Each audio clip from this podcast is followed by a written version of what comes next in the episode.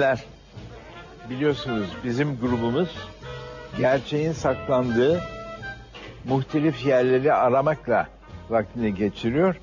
Ee, daha doğrusu size düzenli bir e, program sunmayı e, çok önemli tutuyor. Şimdi bugünkü programımızın adı isim ve isimlendirme. Bu konuda e, ben de bugün bana verilen e, ödevden e, çıkarak bir küçük bir hikaye anlatmak istiyordum. Son zamanlarda e, bizim çok gördüğümüz bir sahnelerden meydana gelen bir hikaye. O da şu. Altını çizmek istiyorum. E, İngilizcesinin altını çizmekte sanıyorum ki bir önem var. Middle, middle, middle. Orta, orta, orta. Şimdi hepimiz biliyoruz. Catherine orta kent. Sonunda prensine kavuştu ve böylece e, pek şahane bir e, bir evlilik gördük. E, kraliyet ailesinin eskiden beri e, kullanmış o 15. yüzyıldan beri kullanmış olduğu üniformalar ortaya çıktı. E, bütün e, renkleriyle ve sırmasıyla vesaire e, onun sırma ile yakından olan şeyleriyle Prens William karşımıza çıktı vesaire. Fakat burada sanıyorum ki bu küçük evlilik hikayesinin arkasında birçok önemli bir şey var. Ve bu da sanıyorum ki bizim isimlendirme e, konumuzu biraz da e, açacak gibi. Yani az bir e, şey de olsa e, onu açacak gibi. Şimdi şöyle e, biz orada bir evliliğin İngiltere'de belirli bir sınıfa mensup olduğunuz zaman nasıl geçtiğini vesairenin ve kraliyet ailesinin bütün görkemiyle ortaya çıktığını gördük. Fakat bunun arkasında sanıyorum ki bir başka bir hikaye diyelim var. Ben onu hissediyorum. İspat edebileceğim bir şey değil. Fakat bu hikayenin arka planında sanıyorum ki bir kere İngiltere'deki geniş kitlelerin kendilerini orta saymaları ki bu her memlekette öyle oluyor anladığım kadar. Fakat onun yanında diğer memleketlerde olmayan bir şey İngiltere'deki geniş kitlelerin aslında kraliyet ailesiyle bir kalp bağları olduğu konusunda düşünceleri ve hayalleri ve ben bu hayali çok önemli sayıyorum. Çünkü deniyor ki bu evlilik olduktan sonra aslında İngiliz monarşisi de bir dereceye kadar e, kuvvet kazandı ve e, ben ona inanıyorum çünkü bu ikilik ve birlik yani bir, bir, bir kısmında kavga etmek diğer kısmında kalp kalbe olmak sanıyorum ki İngiltere politikasının bizim düşünmediğimiz yanlarından biri. Ne diyorsunuz? Evlilik konusunda yani bu isimlerin yaşatılması galiba dikkatimi çekti. Yani işte Cambridge Dük ve Dukası, Düşesi ve Dükü oldu şey. İngiltere yaşatıyor bu isimleri. Yani isimle kurumu yaşatıyor ve o konuda çok dikkatliler e, verdikleri e, atıflarla, titirlerle. Fakat ben de bu hafta yeni bir isim üzerine çok düşündüm. E, o da Geronimo. E, Bin Laden'ı e, bu Amerikan çetesi ekibi her neyse e, bastığında işte Beyaz Saray'dan da izliyorlar. E, belki duyuyorlar, belki kameralarla da izliyorlar onu pek bilmiyoruz. E, ve de bir fotoğraf çıkmıştı böyle baktıkları Beyaz Saray'daki e, başkan ve yardımcılarının. Ve rahatlıyorlar. Ne zaman rahatlıyorlar? O baskını yapan e, askerlerden bir tanesi Geronimo dediği zaman. Geronimo önemli bir yani misyon bitti çünkü Bin Laden'a Geronimo adını takmışlar. Geronimo deyince Geronimo'yu hallettik diyor. Oradan da aklım şeye gitti tabii. Geronimo'ya ve iktidarın kelimelerle, isimlerle nasıl bir şey unuturabildiği ve nasıl başka bir şeyleri canlandırabildiği aklıma geldi. Geronimo tabii ki bir Kızılderili ismi. Bir Apache lideri. Ve işte bu beyazlar gitmeden önce Kızılderililer vardı Amerika'da. Ve şimdi Kızılderili isimlerine bakıyoruz. Cherokee diye bir otomobil var. Mesela Chevrolet'in otomobil markası olmuş. Ee, Amerikan askerleri füze attıkları zaman şey kullanıyorlar. Tomahawk füzeleri kullanıyorlar. Ee, başka Apache helikopterleri var. Pontiac. Pontiac başka bir Kızılderili ismi. Ve Geronimo da bunlardan biri. Yani bir ırkın sadece gitmesi kalmıyor. O ırkın kullandığı isimleri markalar için içselleştiriyor. Başka bir dil ortaya çıkıyor. Geronimo da bir Apache işte. Beyazlara karşı yani Meksikalılara karşı ve e, Amerikalılara karşı savaşmış toprakları için. E, sonunda kaybetmiş, teslim olmuş. E, kaybetmeden önce o da bir mağarada sıkıştırılıyor ve mağaradan kaçıyor ve hala o mağaradan bir çıkış bulamıyorlar. Bir benzerlik, Beyaz Saray bu benzerliği kurdu mu bu ismi bulanlar bilmiyorum. Ee, ondan sonra da ömrünün son yıllarını bir askeri hapishanede geçiriyor. Topraklarına dönmesine izin verilmiyor. Ve öldüğünde de gene topraklarında gömülemiyor. Askeri hapishanede e, tutuklu askerler mezarlığına gömülüyor. Şimdi Geronimo ve Bin Laden yani bir taraftan bir tarih yok ediliyor ve başka bir isimle aynı isim başka bir amaç için kullanıyor. Bu beni çok sarstı. Evet. Yani isimlerin değişik anlamlarda kullanılması, havaalanlarında aynı şey yapılıyor. Chicago'da havaalanına gittim. John O'Hare havaalanı. Merak ettim bu adam kimdir diye. Ee, savaş pilotu. ikinci savaşta. Yani muhtemelen sivilleri de öldürmüş. Şimdi bir havaalanına nasıl böyle bir isim verilebilir? E, Türkiye'de Sabiha Gökçen Havaalanı var. O da savaş pilotu. E, yani bu isimlerle iktidarların oynaması ve isimleri değiştirmesi işte Fransız devriminde e, Marsilya devrime karşı çıkıyor. Devrimcilerin verdiği isim Vi son san nom. İsimsiz şehir. İsmini bile alıyorlar. Yani bu iktidarın isimlerle oynaması, isimleri değiştirmesi e, çok sık rastlanan bir şey. Ve genellikle gündelik hayatımızda ona pek rastlamıyoruz. Ama ismin sembol olarak kullanılması çok geniş aslında. Ee, bizim dilimizde olduğu gibi hani milletler arası bir sembol haline gelmiş olan bir birçok isimler var. Bir tanesi mesela Hollywood. Hı hı.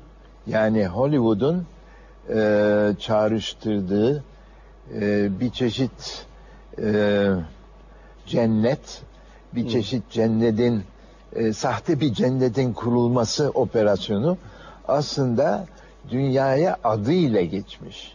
Yani Hol- Hollywood olarak geçmiş. Bilmiyorum bu konuda ne düşünüyorsun? Ee,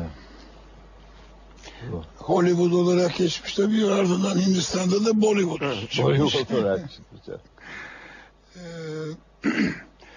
ya ben bu şey e, isimlendirme işte anlaştık hani bu konuda konuşalım diye.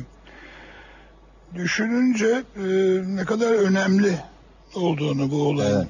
şey yaptım anladım. Şimdi tabii bütün bu siyasi şeyler falan bunlar çok önemli. E, adlandırmalar vesaire ama ben böyle daha şeye gittim. E, ilk temellere kadar düşünmeye çalıştım. Ya aslında insan zihninin insan zihni olmasında sanki bunun payı var. E, etrafındaki nesneleri Tabii başka türlü bilgi oluşturulamıyor. Yani Evet. çok, çok merkezi ve çok tabanda. Evet. Evet yani başka türlü şeyleri, nesneleri birbirinden ayırt edemiyorsun. Falan mi? Böyle bir şey. Ee, onları düşünürken de tabii e, gayet doğal olarak e, kitabı mukaddes geldi aklıma. Ee, yani yaratılış e, öyle de yorumlanabilir yani kitabı mukaddes e, yaratılışın bir adlandırma olduğunu Evet. e, söyleyen bir metin. Çünkü işte kelam e, şeye göre Yahudi e, inancında işte Yahuva ya da Yahve denilen Tanrı ol diyor ve oluyor. E, yani bu aslında adlandırıyor. Yani geceyi gündüzden ayırdı diyor. Yani nasıl ayırdı? Yani bunlar zaten gecede olan gündüzde olan bir kaos, bir karmaşa. İşte bu gecedir, bu gündüzdür deyince onlar böyle ayrışıyorlar ve birdenbire anlam ortaya çıkıyor. Yani anlam zaten ayrımla ilgili bir şey. Evet. Ya başka türlü anlam veremiyorsun ayıramazsan. Yani bu bardak işte Evet. şiş şeyden masadan ayrılacak ki e, işte biri bardak, biri masa vesaire. Ve dil dediğimiz şey de bu. Yani dil işte, işte kaş, baş, taş, yaş. Şimdi A ve Ş aynı ama baştaki ses değişiyor. Baştaki ses anlamı ayırt ediyor. Yani baş deyince, kaş deyince başka başka şeyler söylemiş oluyoruz. Demek ki bizim zihnimiz işte e, dilli şeyde de var olan e, evrende de var olan şey üzerinden ayrımlar üzerinden okuyor. Şimdi e, dediğim o yani ilk e, yaratılış dışında bir de şunu bir okuyayım kısaca. E,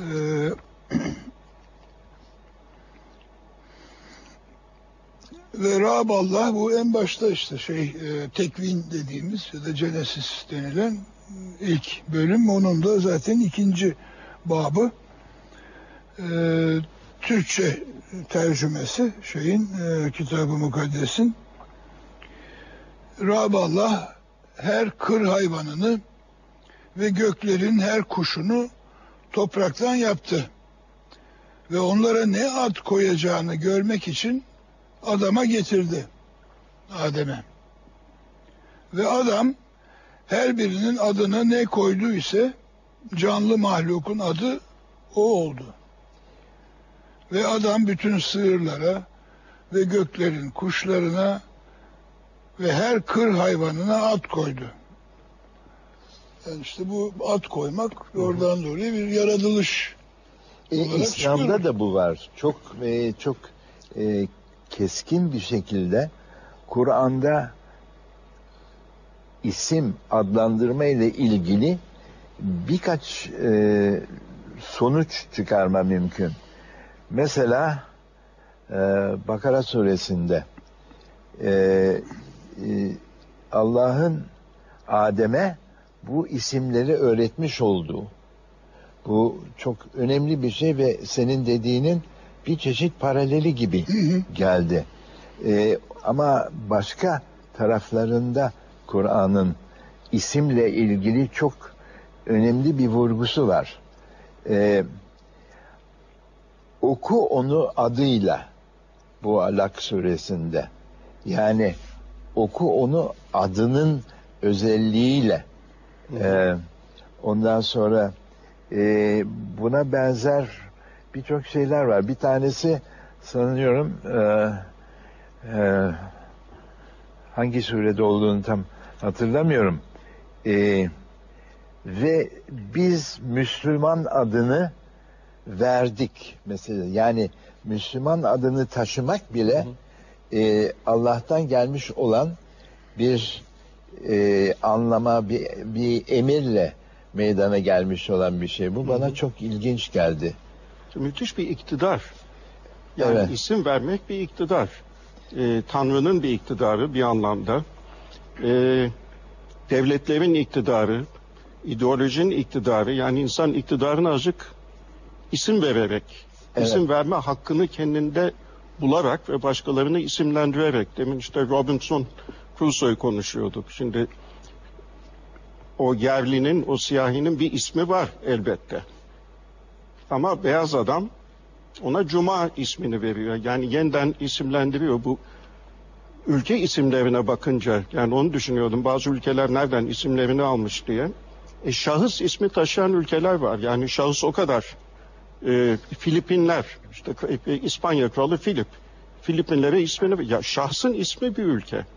Suudiler bir Evet. aile yani küçük bir aile 10 kişilik 50 kişilik neyse veyahut kabile ismini veriyor bir ülkeye.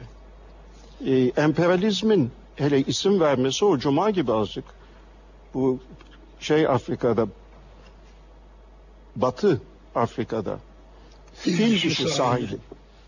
Yani bu ülkenin, bu toprakların bir ismi vardı. Sömürmeye geliyorlar, fil dişi sahili diyor. Altın sahili Evet. diyor. Köle sahili diyor. Altında kalalım.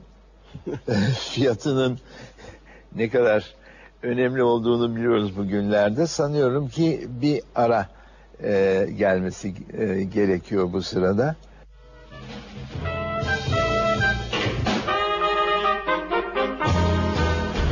Yavuz bir e, dreadnought. Fakat Türk dreadnought olarak Cumhuriyet'in gücünü temsil ediyor. Beyaz adam emperyalizminin küstahlığını çok iyi gösteren bir şey. Ee, yani adamı alıyor, işte kurtarıyor, kurtarıyor. Ve herhangi bir biçimde senin bir adın var mı falan diye merak etmiyor. bu sımsıkı sarıldığımız ülke adları o kadar da hangi millettensek bizim adımız değilmiş meğer.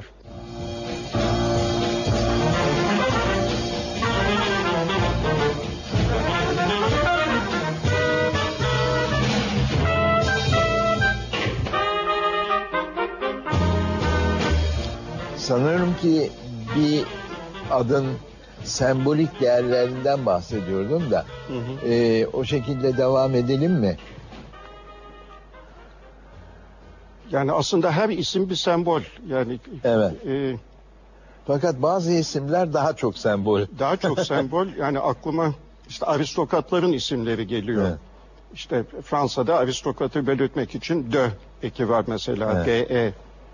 Ee, ve daha önemli bir isim olduğu için bu sınıfsal şeyde aristokrasi azıcık tepede geldiği için bir dönemde ve hala burjuvazi de belki İngiltere'deki o evlilikte azıcık bir burjuvazinin aristokrasi özentisi olduğu için e, şey vardı Fransa'nın Cumhurbaşkanı Valéry Giscard d'Estaing.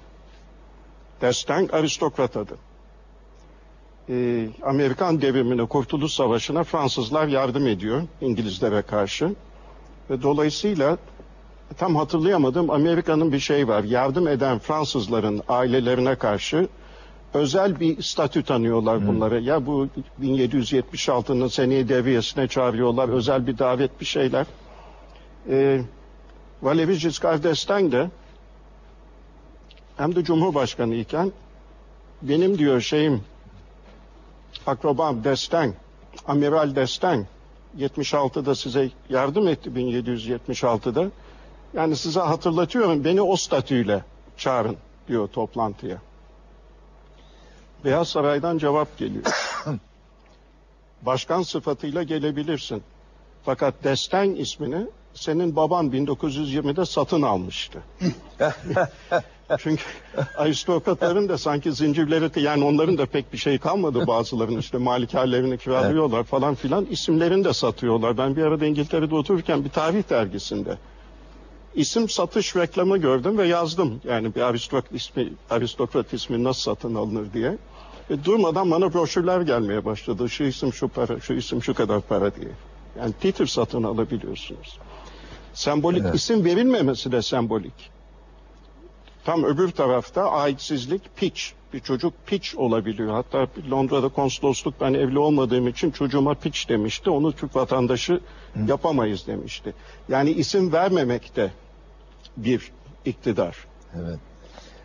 Bu süper sembol olan e, isimlerden biri e, benim yaşında olmayan kimseler sanırım ki hatırlayamaz. Türkiye'de kullanılışı ve bizim nasıl e, emir durduğumuzu o ismin karşısında. Yavuz. Yavuz bir e, dreadnought. Fakat Türk dreadnought olarak Cumhuriyet'in gücünü temsil ediyor ve Yavuz bizim için çok önemli bir kelimeydi. O ortadan kalktı sanıyorum artık e, Yavuz'un bizim için hani evet Yavuz Sultan Selim vesaire fakat Yavuz'un bizim için başka bu şekilde bir önemi kalmadı. Ee, başka tabii e, senin de yani söylediğin gibi yani dünyada e, çok geçerli olan bir takım sembol isimler var. Superman var şimdi çok. E, aynı şey söyleyecektim. evet Superman. E, Ve, son sayısında okudunuz mu bilmiyorum. Son hayır. sayısında işte uçarken Superman e, İran üzerinden geçiyor. Orada bir halk toplanmış meydanda e, özgürlük istiyor. Bu öyle bir görünüyor ortalıkta. Ondan sonra Beyaz Saray'dan çağırıyorlar Süperman'ı. Ya sen ne yapıyorsun işte bu işte de Amerikan parmağı var diyebilecekler işte özgürlük hareketi bağımsız bir şekilde gelişemeyecek. Kötü bir şey yaptın diyorlar Süperman'a. Bu son sayısında. Ee, Süperman da azıcık sarsılıyor. Ya benim yaptığım her şeyi Amerika'nın politikasıyla bağdaştırıyorsunuz. Ben artık özgür olmak istiyorum. Gelecek hafta Birleşmiş Milletler'e gideceğim ve ABD vatandaşlığını reddedeceğim diyor. Ve şimdi Amerika'da cumhuriyetçiler açık sarsıldı bir cumhur, cumhur, e, başkan adayı var. Huckabee, Muckleby öyle birisi. Bu nasıl olur bizim simgemiz nasıl vatandaşlığımızı reddedebilir diye Amerika'da sağ ekol şimdi azıcık Süpermen düşman olmaya başladı. Ama Müthiş biliyorsun o vatandaşlığı ne zaman almış olduğunu. Hayır. Aslında Amerika'nın za, zaaf, zaafının ortaya çıktığı 1929'dan sonraki e, çöküntüden, iktisadi çöküntü zamanında Amerika'nın her şeye rağmen bir güçlü olduğu ve birisinin gücüne ihtiyacı olduğunun sembolü olarak çıktı sanıyorum. Yani o konuda vatandaşlığını o sırada almış. Amerikan vatandaşlığını ne kadar da güzel takip ediyor bütün bu gelişmeleri. Evet. Bu senin demin söylediğin şey e, Cuma o hep benim de e, zaman zaman işte şey e, Robinson Crusoe'yu derste de anlatırım. E, hakikaten işte o beyaz adam emperyalizminin küstahlığını çok iyi gösteren bir şey. E, yani adamı alıyor işte kurtarıyor murtarıyor ve herhangi bir biçimde senin bir adın var mı falan diye merak etmiyor. Böyle bir şeye ihtiyacı yok. Onun ona vereceği ad önemli. Şimdi öyleleri var yani fil dişi sahili dediğimiz zaman bu işte oraya gelen bir arogan bir küstah şeyin Avrupalı'nın bunun da adı bu olsun diye verdiği bir şey belli. Bir de e, şey de var mesela Bolivar da gene bir Bolivya yani. Bolivar'ın adından geliyor ama orada bir başka türlü bir e, sanırım halkın işte evet. sevdiği kahramanın adını hmm. alması ya Kolombiya derken gene ama Venezuela Venezuela küçük Venedik. İşte şey var çok hmm. dere ağızları bilmem neler filan var. Biri benzetmiş. E, burası Venedik'in küçüğü. demiş. Mesela o da kalmış. Yani bir müthiş bir beyaz adamın dolaştığı dünyada işte bazen iyi niyetle bazen küstahlıkla ama yani her şeyi kendine göre bir adlandırma Hı. biçimi var. Bu arada bir de tabii şeyi söyledin. Destengi e, Robinson'u yazan Daniel Defoe da aslında Daniel Foe'dur. ee, bir burjuva olduğu halde ya da bütün burjuvalar gibi e, aristokrasiye özendiği için adının başına bir de bir di koymuş ki Defoe olmuş. Yani e, adlarla oynayarak, adları değiştirerek bayağı bütün bir dünyanın şeyini değiştirebiliyorsun. İşte bu da mesela e, yani Türkiye'nin de daha başka ülkelerinde şu sırada bir zamandan beri e, mesela düşmana ne diyeceksin, dosta ne diyeceksin? Evet yani de gerilla mı diyeceksin, e, şey mi, e, terörist mi diyeceksin? Yani ama doğrudan doğruya kopuyor. atlarla ilgili doğrudan doğruya atlarla ilgili olarak e, çok e, çok konuşuyoruz Türk siyasetinde. Türk, Kürt, Arap doğrudan doğruya bunlar bizim vokabülerimize giriyor değil mi? Yani günlük siyasi vokabülerde adlandırma çok önemli bir şey. Ve E, Orada onu yani işte Kürt yoktur deyince mesela evet falan gibi evet. Ee, fakat çok e, önemi var gibi geliyor bana. Yani günlük ko- konuştuklarımızda e, devamlı olarak e, isimleri isimlendirme ve isimlendirmenin ötesinde sembol olarak kullanma. E, Kürt herhalde bu e, şeyin bu işte isimlendirme tipinin e, bir örneği gibi geliyor bana değil mi? E, Evet, yani mesela Larus'u biz tercüme ettik. Larus işte dünyada bilinen bir, birkaç tane pediden biri. Onun bir de Meydan Larus diye bir Türk versiyonu var. Şimdi orada açın bakın Kürt maddesine. E, Küçük Asya'da yaşayan bir Türk boyu der. Kürtçe maddesine bakın. E, işte bir Hint Avrupa dillerinden işte bir falan. Ben de yani bu şey Kürtler hani dağ türkü filan acaba Türkler belli bir irtifaya yükselince Hint Avrupaca mı konuşmaya başlıyorlar? Na- nasıl oldu? Yani Larus bilmiyorum kaç memlekette var ama yani bu sadece Türkiye'deki Larus'ta var.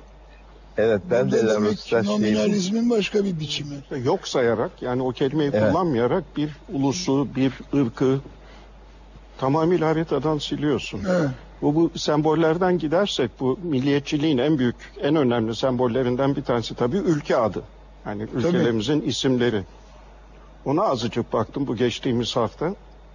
Bu sımsıkı sarıldığımız ülke adları o kadar da hangi millettensek bizim adımız değilmiş meğer. Mesela Ermenistan aslında Azerice'den geliyor. Azerbaycan Ermenice'den geliyor. İsveç İngilizce'den geliyor. Çin Farsçadan geliyor. Bu bir halbuki sımsıkı benim diye sarılıyorsun. Halbuki dünya o kadar karışık ve o kadar birbirinden beslenen ki hele kelimeler, hele semboller. Ee, başka şey var mesela Bulgaristan. E Bulgarlar bu sefer de Bulgar bir Türk kavimi. Ama Evet. Bulgarların yüzde doksanı Slav. Şimdi ama sımsıkı sarılıyorlar bu Türk kavimlerine. Asparuk Orada- falan gibi o işte ilk Türk hanlarının isimleri. Evet. Ee, Yani komik çelişkiler var burada. Yani benim diye sa- sarıldığında aslında o kadar da senin değil. Yani dünyanın değişik şeylerinden gelmiş. Evet, bu çok gelmiş. hoş geldi. E bu Yani bizim gerçekten. kendi Türk olmamızla biraz karışık bir şey değil midir? Yani biz Osmanlıyız diye Türkler de buraya gelirken daha çok Avrupalıların kullandığı bir şeydir Türk Türk İsmi. lafı. Evet. Ve hatta Türkiye daha onların İtalyan şeyinden kullanılan bizim de ilk kuşak işte burası Türkiye Cumhuriyeti olduğunda böyle Türkiye diyenler e, çoktu o kuşaktan. Evet. Murat, aklımda Hatta yazıda Türkiye. görmek mümkün onları. Evet, yani tabii. ilk Evet. e, şey yazısında Tabii tabii. e, yeni yazıda. Murat, aklımda şey var. Mustafa Celalettin Paşa. Sen yazdın galiba onu. Ha, evet. İstanbul rehberinde. Mustafa Celalettin Paşa ki e, Ansiyen Türk, Modern Türk falan diye de bir kitabı var. Evet, e, Turancılığı başlatanlardan, Türkçülüğü başlatanlardan. E, onun adı e, Konstantin Borzenski. E, tabii Polonyalı. Polonya asıllı. Buraya Evet. göç ediyor 48'de. İşte Nazım Hikmet'in dedesi, Oktay Rıfat'ın dedesi. Ama şimdi Turancılar sımsıkı sarılabilir Mustafa Celalettin Paşa'ya Evet, bizim tabii. diye. Konstantin Borzenski. Evet onlar gibi e, aynı böyle şeyi gösteren, portreyi gösteren kimseler e, eminim ki bir uzun bir liste e, hazırlayabiliriz. Yani Türklerin Osmanlı'ya e, şeyi ne kadar e, yani Türk adının ve Osmanlı adının orada ne kadar karışık şeyler olduğunu e, çıkarabiliyoruz sizin söylediklerinizden de. Bu şey çok ilginç aslında. Azerbaycan ve e, İkisi de birbirine giren ülkeler. Evet. Ee, bilmiyorum bu şeyi e, devam ettirebilecek miyiz? Ee, sembolik anlamını e, ismin. Bence orada e, bayağı çok büyük şeyler var. E, çok büyük açılımlar ve imkanlar var. E, şeyde. E, bu sembolik olarak kullanılma konusunda bilmiyorum bu konuda ne diyorsunuz? Ee, onu bir geliştirmek için bir bayağı bir yeni e, yeni bir e, bir yeni bir tip yaklaşımla belki oraya gelebiliriz. Yani isimlerin kullanıldığı zaman hangi anlamda geride bir takım gizli e, isimlendirmeler bekliyor. Onu sanıyorum ki onun da listesi bir hayli uzun olacak. Bu isimlendirme listesi. E, bilmiyorum bu e, listeye e, şimdi bu liste üzerine gidelim mi yoksa e, başka bir yönünü mü? E, Ya şunu vurgulamakta ya- yani bir bilim dalı varmış. Ben de bilmiyordum. Ona mastika diye yani bu isimlerin Ha, evet. gelişmesini, nereden geldi, nereye gitti inceleyen. Bir de tabii etimoloji sözlükleri var ki Türkiye'nin çok maalesef fakiri olduğu çünkü Fakiri tarih oldu, sözcüklerden çıkıyor ve Türkiye hala Tikse başladı. Viyana'da E harfine kadar geldi. Hala bir dilin etimoloji sözlüğü olmaması kadar bir fukaralık olamaz. Çünkü kelimelerden tarihini buluyorsun. Bu kelime ilk ne zaman kullanıldı? Hangi bağlamda kullanıldı? Evet. E, yok Türkiye'de. Biz daha önce bir programda dil hakkında konuştuyduk. Türkiye'de dil. Orada galiba sö- söylemeye bir fırsat olmadı ama ben benim öteden beri kanaatim Türkiye'de etimolojinin yasak olduğunu. Ee, çünkü işte dili özleştiriyoruz falan filan derken e, etimolojisiyle ortaya çıkarsa kelimeler e, işte Öztürkçe dediğimiz pek çok şeyin hatta Öztürkçe olsun diye olan bazı şeyleri atarak kabul ettiğimiz şeylerin Türkçe olmadığı anlaşılacak. Bunun çok klasik örneklerinden biri bu İstanbul. örneğin. Örneğin Örneğin. oranak e, Ermenice'den gelme bir kelime. Zorunlu mesela mecburi değil de zorunlu dediğimiz zaman Öztürkçe konuşuyoruz. Yahut hudut dediğim diyecek yerde sınır dediğimiz zaman Öztürkçe konuşuyoruz. Halbuki zorunlu da sınır da Yunanca'dan gelen Öyle mi kelimeler. Evet zaten Türkçe'de Z ile başlamaz. Ee, Türkik Başkent dillerde. Türkçe değil. İstanbul Türkçe değil. Başkent Türkçe değil.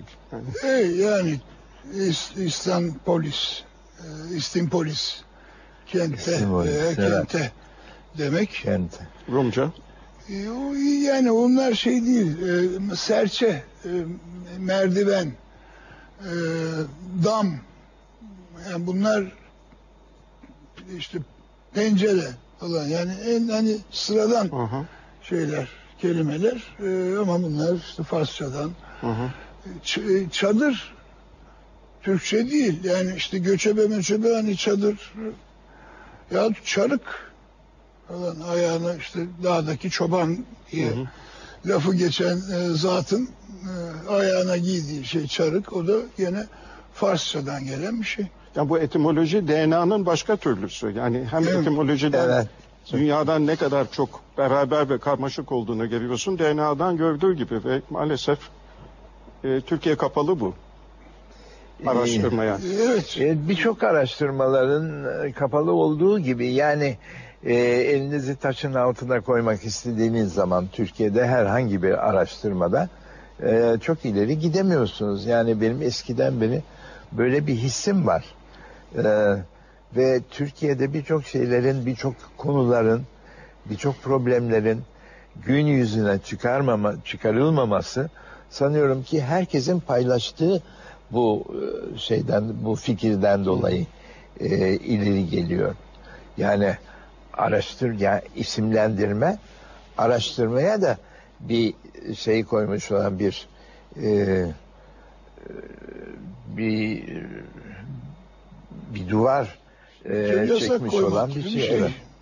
Yani e, bununla çok yakın bir ilgisi olduğunu sanıyorum.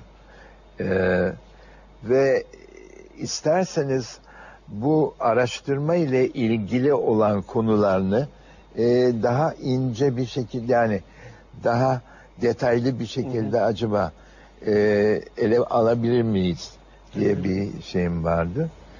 E, bir teklifim vardı bilmiyorum.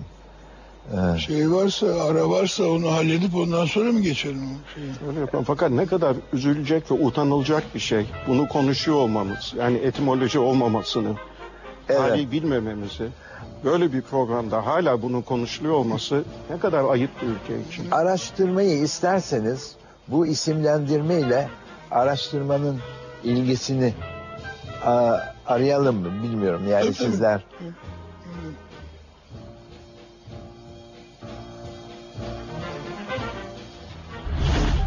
şekilde adlandırmakla diyelim devlet otorite bir nesneyi bir yeri neyse bu konuda böyle düşünülmesini istiyorum ben Evet. diyor.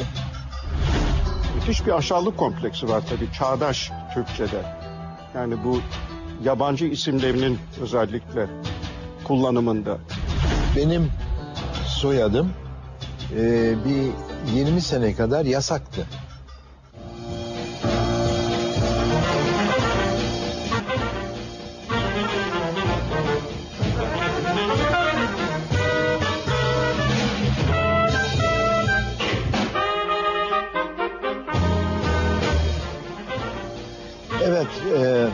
Araştırma ile ilgili ilişkilerini ben düşünüyorum, bilmiyorum. Ne diyorsunuz bu konularda? Yani isimlendirme ile e, araştırmalara bir set çekmek gibi bir şey. Bu son zamanlarda e, sitelerde kullanılabilecek olan isimler vesaire var ya, ona benzer şekilde insanın ileri gitmesine mani olan. Şöyle mi an, e, e, anlıyorum doğru mu? Yani şimdi mesela ne bileyim işte bir, bir, şekilde adlandırmakla diyelim devlet otorite bir nesneyi bir yeri neyse e, bu konuda böyle düşünülmesini istiyorum ben Evet. diyor. E, e, Öyle düşünülmesini istiyorsa demek ki başka türlü düşünülmesini de istemiyor. Ben de başka türlü düşünüyorsam büyük bir ihtimalle başım derde girebilir falan. Yani bu Evet. şekilde zaten hani bir e, yani işte şeyle e, Eden bahçesiyle Memnu şey arasında e, meyve arasındaki şeyi Evet. koymuş oluyor yani adlandırarak. E, o da zaten öyledir ya. Yani iyi ve kötüyü ayırt etme ağacının Evet. e, Evet, tabii. meyvasıdır. E, yani burada da işte doğruyu ayırt etmenin adları konmuş. Onlarla böyle taşlar döşenmiş. Sen bunun içinde dolaşacaksın. Bu taşlara da dokunmayacaksın. Yani yerli yerinde duracak diyor. Yani böyle anlıyorum ben bunu. Bunu bir yandan hani kelimelerle hani işte Öztürkçe falan filan gibi şeylerle yapıyoruz. Yani işte zaten hani yabancı kelimeleri atalım derken eee, benzer bir e, temizlik harekatına girişmiş oluyoruz. Ama siz geçen e, programda Arsı Ulusal'ı söylüyordunuz o. Şimdi hatırlayan kalmadı ama e, işte öyle bulunmuş Arsı Ulusal. E, çünkü internasyonel e, ya da işte okul. Çünkü ekol falan yani şimdi e, verdiği isimlerle de e, nereye doğru bakmamız gerektiğini, nereye doğru gitmemiz gerektiğini söylüyor. Bunlar var. Ama bir de şey var asıl benim üstünde duralım şimdi bugün bu böyle bir programda diyeceğim bu doğrudan doğruya isim ve isimlendirme ile ilgili e, bu yani Türk Devleti'nin çok ciddi bir faaliyet alanı. İsim değiştirmek, yeni isim bulmak. Ve tabii yani bu yıllardır devam eden bir şey. Bazen daha bir yoğunlaşıyor. Bazen biraz daha gevşiyor. Ve çok zaman yani sokaktaki adamın haberi olmuyor yani bunun evet. böyle bir yani e, her yıl Bodrum'a doğru yola çıkan ve Türk bükünde tatil yapan insanların kaçta kaçı oranın eskiden Rum bükü olduğunu biliyor mesela. Türkiye'den başka örnekler de aklıma geliyor. Ama bir Almanya'ya gideceğim. Bir baba oğlunu, orada doğan oğlunu, Almanya'da doğan oğlunu nüfusa kaydedecek. Çocuğun adı Doğan galiba. Yazıyorlar D-O-G-A-N. Olmadı diyor baba. Yumuşak G var burada. Yazamayız diyorlar. Neden? Daktilomuz yok yumuşak G'li. Başka, ne başka? Neyse adam takip ediyor bu işi. Dava açıyor belediye falan. Sonunda belediye iki tane yumuşak G'li daktilo alıyor. Şimdi bunu birisi yapabiliyor Almanya'da. Şimdi Türkiye'de Kürt isimlerine X galiba değil mi? X harfi var Kürt isimlerinin birçoğunda. Ama Yasak. o şey hı, Kıh. gırtlaktan gelen ha için. Ama Ki yasak dillerde Türk var. alfabesinde Evet. olmadığı için bu harf yasak. Evet. Şimdi burada bir devlet despotizm olduğu söylemeniz mi? Yani devletin veya alfabeyi kontrol ederek bir ters bir politika yani insanlara ters bir politika güttüğü söylenemez mi bilmiyorum. Bir de demin sizin değindiğiniz müthiş bir aşağılık kompleksi var tabii çağdaş Türkçe'de. Yani bu yabancı isimlerinin özellikle kullanımında. Otel, hotel oldu. Şimdi e gene anlaşılacak otel diye yani gelen çek, çek de anlayacak, Brezilyalı da anlayacak. Ha otel burada kalınacak işte para karşılığı.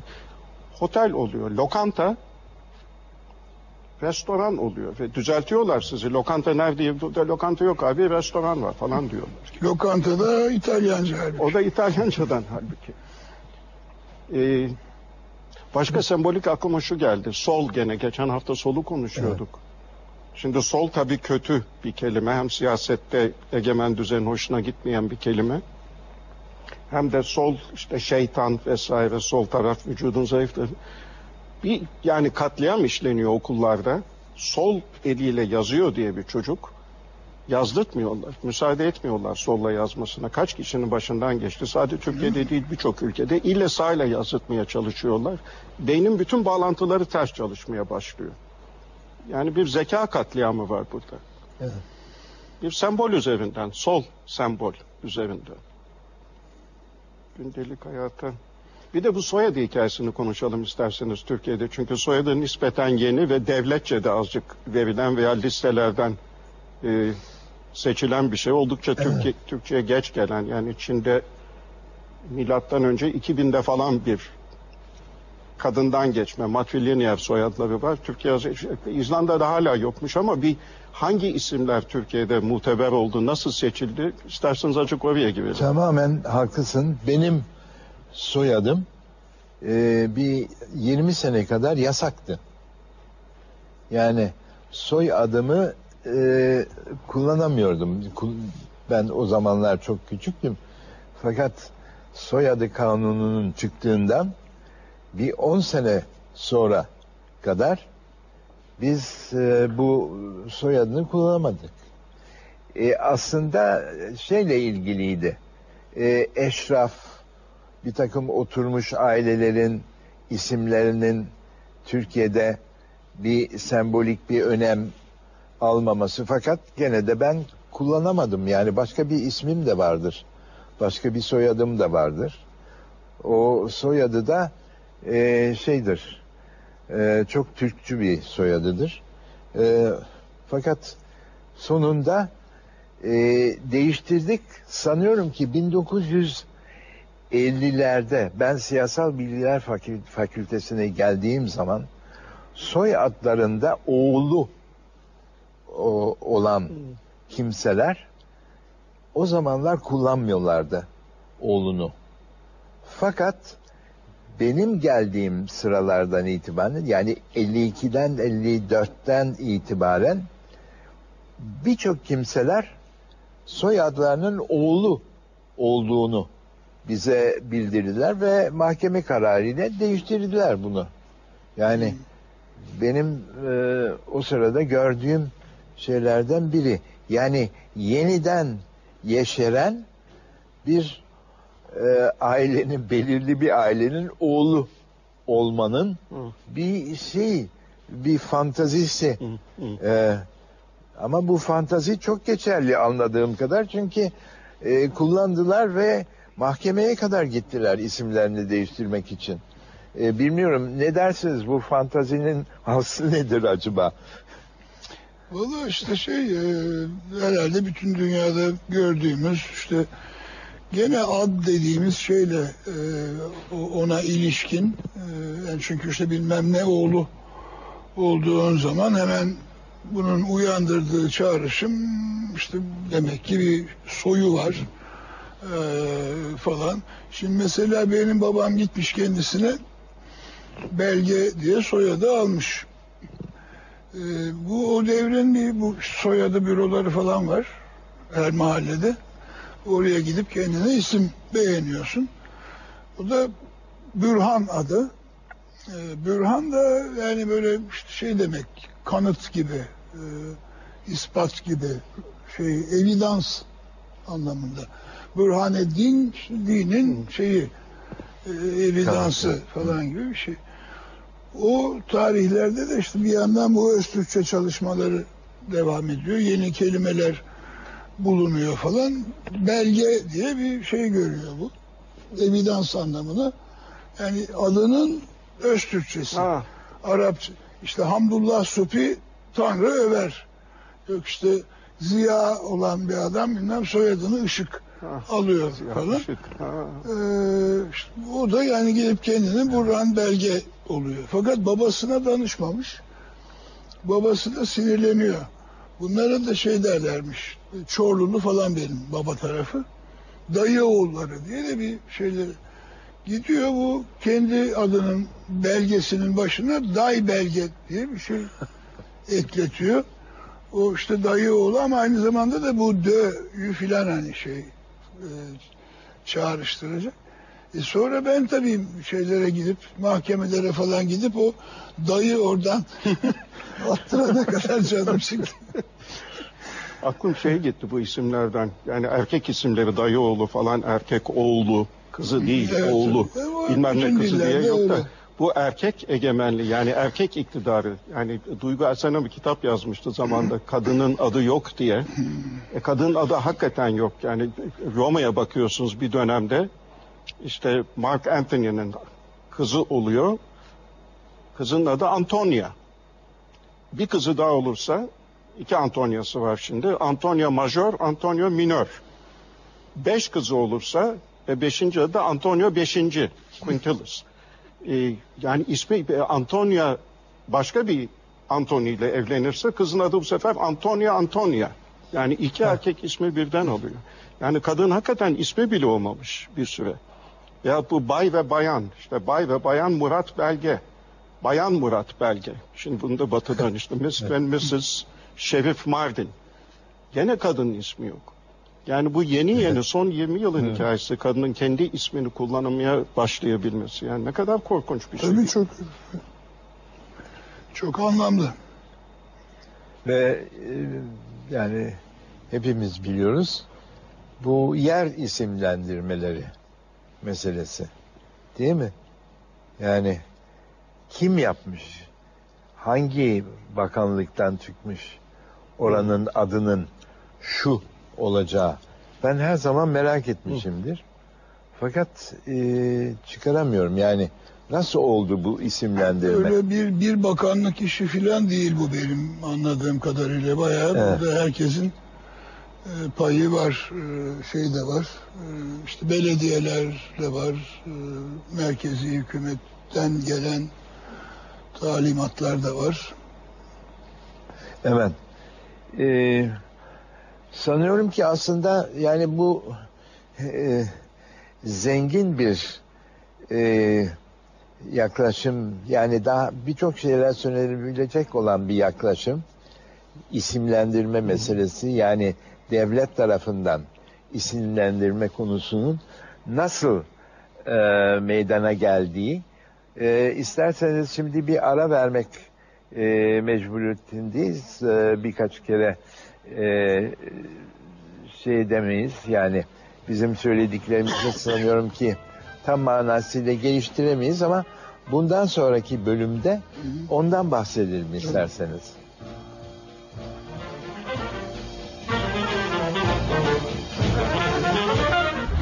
Benim için son köleler çocuklarımız artık. Yani sonu şeyi kullanabildiğimiz isim verme hakkını. Yani ben çok yabancılık e, çektim Türkiye'de.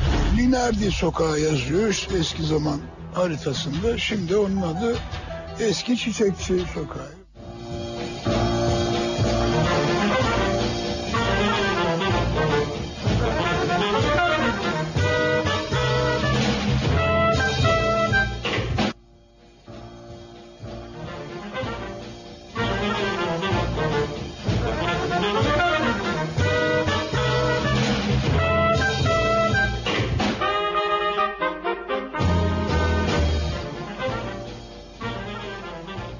Evet isimlendirmeden demin kadın isimlerinden bahsediyorduk. Bir de çocuk isimleri var tabii. Orada hem devletin iktidarı var hem de daha çok babanın iktidarı var. Yani annenin de bir çocuğu isimlendiriyoruz. Ee, yani bir anlamda ben, benim için son köleler çocuklarımız artık. Yani sonu şeyi kullanabildiğimiz isim verme hakkını ve hatta dövme hakkımız falan da vardı. O haklar azıcık gitmeye başladı. Ve orada da bir kötü bir durum var. Yani çocuklara verilen e, isimler e, işte Yeter diye bir isim. Yedinci kız çocuğu Yeter. İşte imdat. On ikinci çocuk imdat. Satılmış. Medet. Dursun, medet. Dursun satılmış. Yani şimdi satılmış alay konusu olmaz mı arkadaşlar arasında? Başbakan olabilir mi? Yani e, zor. Bazı da öyle öfke dolu, saldırganlık dolu isimler var. Yani öc al, hınc al, vur al. Evet. Nevi nasıl isimler? Savaş var. Allah'tan Türkiye'de barış da var. Hiç olmasa da azıcık onu dengeliyor. Yani umarım ki bir gün aborijinlerde olduğu gibi başka bazı cemiyetlerde olduğu gibi bir yaşa gelince çocuk ismini seçme hakkı olsun. Yani 18 yaşına gelince ailede darılmasın, üzülmesin, sen ihanet ettin bize diye ismini seçme hakkı olsun çocuğun.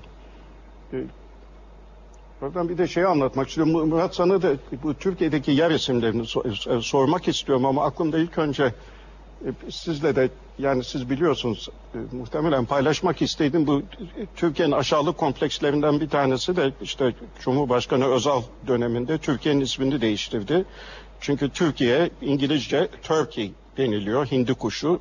Evet. İşte Özal da bir tamim verdi devlet dairelerine. Bundan sonra Türkiye Türkiye olacak, Türkiye olmayacak diye. Şeyi paylaşmak istiyorum. Bu nereden hindi oldu Türkiye diye.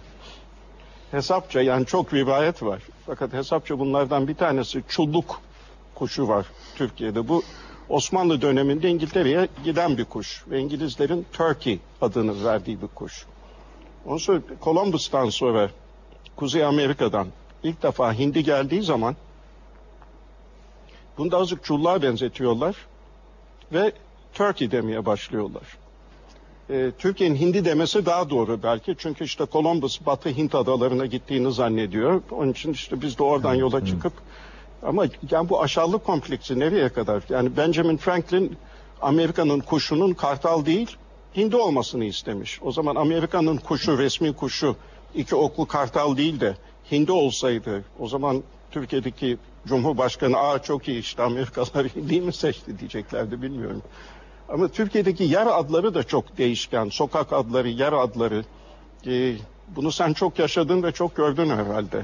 Siyasi nedenlerini, getirdiği ızdırapları ve absürditeyi herhalde Murat. İşte İstanbul'la benim haberi işim olduğu için e, o çerçevede tabii fark etmemeye imkan yok. İşte İstanbul'un eski bir haritası özellikle Beyoğlu falan gibi yani şeyin gayrimüslim bir şeyin e, atmosferin bulunduğu yerlerde bunu çok daha fazla görebiliyorsun. E, Linardi sokağı yazıyor eski zaman haritasında şimdi onun adı Eski Çiçekçi Sokağı. Yok işte Timoni Sokağı yazıyor. Onun adı bilmem ne. Ee, Alyon Sokağı var. E, Alyon ailesi Fransa'dan, ihtilalden buraya kaçmış. Bayağı eski bir tarihte. Burada bayağı zengin olmuş. Yani işte bir sokağa kendi isimleri verilecek kadar da işte İstanbul hayatının bir parçası olmuş bir aile. Alyon işte yabancı e, dolayısıyla oraya bir Türk e, ünlüsünün adı o sokağa. Yalnız şey vardı o da ilginç bir benzer bir şekilde Glavani ailesi var. Bunlar işte İtalyan Rum kırması bir aile. Ee, şeyin de bu büyük Londra otelinin sahipleridir. Onun yanındaki sokak Kallavi şimdi. Glavani sokağı. Bunlar ilk Cumhuriyet sonrası. İstanbul Belediyesi tarafından sokaklar bu şekilde millileştiriliyor. Yani adları değiştirilerek. Bu Glavani ile Alyon'un bir de orada ikisinde de tesadüfen bir çıkmaz var. Bir aralık var. Orada kalmış Alyon aralığı. Glavani çıkmazı falan diye. Fakat bu yakın zamanda onları da sildiler. Böylece Glavani'si, Alyon'u filan e, kalmadı. Ama mesela hava sokağı var. Şeyde gene Beyoğlu'nda. E, hava Türkçe bir kelime olduğu için iyi bundan zarar gelmez demişler. Halbuki havalar da bir şey Hristiyan Arap aile. Onların adını da o sokağa vermişler ama belediye bilmediği için e, bu Hristiyan aile o kan bir de şey balyoz sokağı. Balyozla yani işte kullanıyoruz çekiç falan hala bir balyoz sokağımız var. Halbuki o baylo. Yani Venedik elçisi ki zaten bizim Osmanlı'dan beri balyoz denir o şeyleri adamları. Ama bu da şeyin e, belediyenin dikkatini çekmediği için öyle balyoz olarak kalmış. Böyle bir yani Rum kabristanı sokağı, işte şimdiki Meşelik sokak falan yani herhangi bir şey bir e, gayri Türk e, gayrimüslimden de öte gayri Türk bir çağrışım yapacak ne varsa böyle yolmuşuz. E, sterilize bir tarih yaratmak üzere. Bu tabii bu anlattığım işte İstanbul'un e, Beyoğlu gibi bir e, semtinde olup bitenler. Ama bu dediğim bütün Türkiye'de cereyan ediyor. Hı hı. İşte bir tarihte Rumlardan kalan isimleri değiştirmek daha fazla önem kazanıyor. Çünkü o sırada biz Yunanlarla başımız daha çok dertte derken işte aman Ermeni isimleri kalmasın diyoruz. Daha yakın zamanda Kürt isimlerini yol alın e, diye işte böylece isim değiştirerek tarih değiştiriyoruz. Oysa yani Malatya'sından Maraş'ına Hı. vesaire yani yolmakla da bitmiyor. Ee, şu bu kadar yer bu kadar tarih yaşanmış bunlar şey değil yani bir e, Kırgızlarla veya Özbeklerle filan akraba değil işte Malatya, Van, e, Amasya vesaire vesaire. Onun için yani o uğraş bayağı şey yani e, zengin bir faaliyet alanı. Yani, e, bu kadar uğraşılmış daha bir bu kadar uğraşılabilir bu alanda. Herhalde dünyada hiç değişmeyecek hatta dünya bittikten sonra da bir gün değişmeyecek isimler diye düşündüm. Ee, şeylere verilen kişilerin bu elemanlara verilen isimler. Einsteinium, boryum, nobelium. Çünkü hmm. uzay ya bu maddelerden yapılmış zaten. Yani dünya gitse bile bu yani hangi şahıs isimleri yaşayacak da herhalde bu yaşayabilir, bu elemanlar yaşayabilir. Bir de aklıma şey geldi azıcık edebiyattan işte Kafkaesk diyoruz. Hani ne kadar nadir rastlanan bir şey ama var işte Kafkaesk var. Yani Kafka gibi işte yazıyor, düşünüyor. Ee, şey Quixotic falan gibi şeyler var. Hı? Quixotic diye bir sıfat mesela. mesela Don evet. Gelen. Ne hoş şeyler bunlar yani ama ne kadar az rastlanan. Evet. İşte mazoşizm var, sadizm var. Markede Saddan, von Mazoch'tan evet. var ama çok az var. Aziz nesinlik var Türkiye'de bir evet. anlamda. Ama çok az rastlanan şeyler. İnsan insanın katkısının, savaşın değil de, düşmanın değil de, itilenin değil de, bu insanın yaratısının katkısının isimlere daha çok yansımasını isterdi. Belki ileride olur bilmiyorum. Ee, ben e, Murad'ın söylediklerinden şöyle bir fikir aklıma geldi. Ee, Türkiye'de yabancı kavramının ne anlamda olduğunu bence bu belki bu şeyde bu toplantıda konuşamazsak bile e, ileride konuşulması Doğru. mümkün olan bir şey doğru, gibi evet. geliyor bana. Çok da önemli yani mümkünden öte bir de Evet. önemli bir şey. Çünkü çok şey açıklıyor, çok şeyi kapsıyor. E, buradan e, hareket ederek acaba bundan sonra e, yabancı kavramını e, tartışmakta e, bir yarar görüyor musunuz bilmiyorum. Tabii ileride ele alalım. Bence hiçbir sakınca yok. Bana İyi çünkü olur yani. her yerde e, bazen de kendimle e, e, bir kendimin de e, kendime de e, atfedilen bir şey E, yabancı yani ben çok yabancılık e, çektim Türkiye'de neyse Yani sonunda içimizdeki yabancıyı tanıyıp kendimizle dost olalım en nihayet. Evet. E, fakat ailemden gelen bir ilginç bir şey e, söyleyeyim. E, Galatasaray Lisesi'ne e, beni yazdırdıkları zaman 1940 yıllarında babam o zaman şeydeydi e, e, Belgrad'daydı sefaretteydi. E, beni aslında Türkleştirmek için yazdırdılar oraya. Yani e, şeyimin e, e, e, herhangi bir şekilde bilgimin artırılması veyahut da öyle bir şey yoktu. Aslında bu adam şimdiye kadar bir e, frerler gibi bir yerde e, eğitim görmüş. Fakat bunun muhakkak bir Türkleştirilmesi gerekir. E, Türkleştirilmesinin yollarından bir tanesi de Galatasaray'a yazdırıp ondan sonra e, işi Galatasaray'a bırakmak. Yani e, bundan dolayı yani yabancı kelimesi dendiği zaman e, bana e, doğrudan doğruya e, incelenmesi gereken bir şey.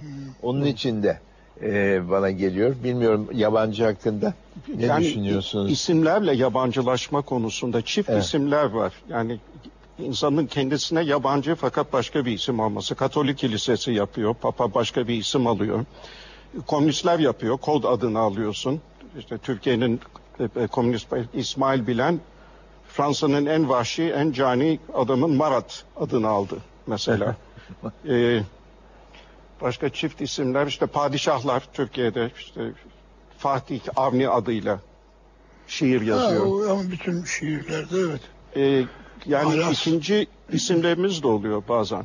Ee, Veyahut da o isimleri tamamıyla silmek de oluyor. İşte temerküz kampında sana numara veriyorlar. Askerde de ismin gidiyor azıcık. İşte çavuş, yüzbaşı falan başka rütbeler.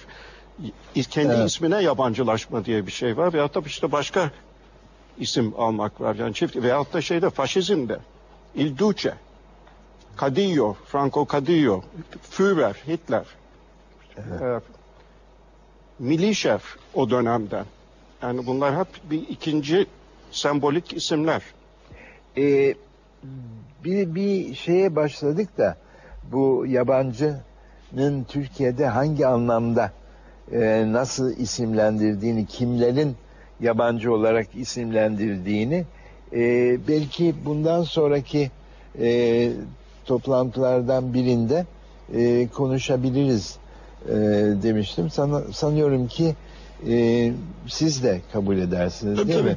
Bunun ve belki de bugün konuştuklarımızın bir çeşit devamı oldu. Ee, bundan dolayı sanıyorum ki e, bu e, e, bu ifadeyle e, programımızın sonuna doğru gelmiş oluyoruz ve şimdiye kadar bu konuda konuştuklarımızdan sanıyorum ki en çok öne çıkan e, konulardan biri e, güçle isimlendirme arasındaki e, meseledir. Bunu sanıyorum ki bundan sonraki toplantılarımızdan birinde e, buraya da atıf vererek devam edebileceğiz.